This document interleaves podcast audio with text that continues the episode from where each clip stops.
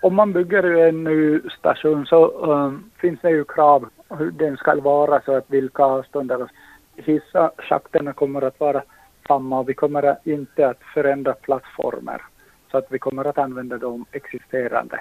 Om vi skulle bygga helt nya då, till, då är det alla uh, tillgänglighetskrav uh, till exempel kommer att kommer i stånd men då om vi har en befintlig plattform eller någonting så då kan vi använda det också. Så, uh, så att vi behöver inte uh, bygga allt nytt för då skulle det bli förstås dyrare. Och sen kan, kunde det hända att man behöver mera utrymme och sen det är ju alltid i stadscentrum eller i sådana platser är det ju så mycket svårare förstås. Hur mycket rum har man? Och sen om man behöver flytta spåren då blir det dyrbara också eftersom då måste man bygga dem. I en tidigare artikel som Yrle Västnyland skrivit om järnvägsbron i Karis säger en läsare i kommentarsfältet att EU kräver att minimiavståndet mellan plattformens kant och närmaste hinder, till exempel en hiss, ska vara minst sex meter av trafiksäkerhetsskäl.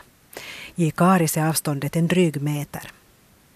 Yle Västnyland har varit i kontakt med myndigheter och inte lyckats få det bekräftat att det finns EU-regler om ett avstånd på sex meter. Magnus Nygård på Trafikverket bekräftar inte heller att sådana regler finns. Däremot finns det regler för hur stora avstånden ska vara då man bygger nya plattformar. Då är det till exempel höjden på hissar eller trappor som avgör hur långt avståndet mellan hissen och plattformens kant ska vara. En reparation av järnvägsbron i Karis, eller en helt ny järnvägsbro, har varit på tapeten i flera år. Redan 2009 berättade vi att det finns sprickor i järnvägsbron och att den skulle konditionsgranskas. I vår händer det äntligen något. Trafikverket, som är byggherre för hela projektet, kan låta arbetena börja. Först bygger man en ny och sen river man ner den gamla så att den är ju, ehm, den är ju så pass gammal och i sån skick så att vi måste ju, ähm, att, äh, det var ju antingen så att vi skulle göra reparationer på den eller bygga en ny och det blir ju ja, helt och hållet det blir billigare att bygga en helt ny. I höstas uppskattades priset för bygget med järnvägsbron, en underfart och ett resecentrum till 5,4 miljoner euro. Det är dyrare än det som Trafikverket först trodde. Därför valdes den första entreprenören med hjälp av så kallad marknadsdialog. Men det var då det kom fram att projektet blir dyrare än gränsvärdet för när en marknadsdialog kan användas. Så Trafikverket måste konkurrensutsätta projektet och nu är summan 5,8 miljoner. Raseborgs stads andel är drygt 4 miljoner euro. Den nya bron byggs på ungefär samma plats som den gamla bron. Trafikverket försöker använda de befintliga fundamenten så långt det är möjligt. Magnus Nygård påpekar att mindre förändringar ännu är möjliga. De kommer i så fall fram i detaljplaneringen.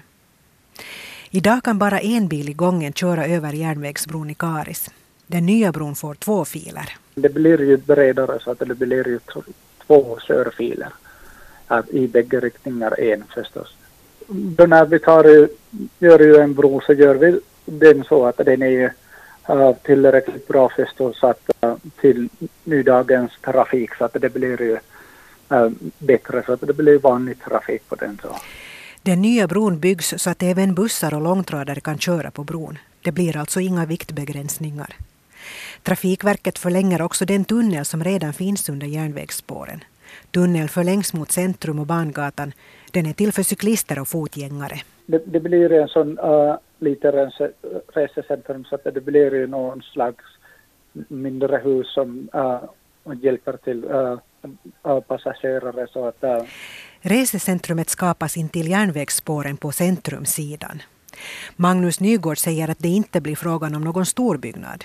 Den ska användas till biljettförsäljning. Mera detaljer tas fram under detaljplaneringen. Broprojektet börjar nu på våren och sen beräknas att äh, byggnadsperiod kommer att vara färdig ungefär om ett år eller så. Men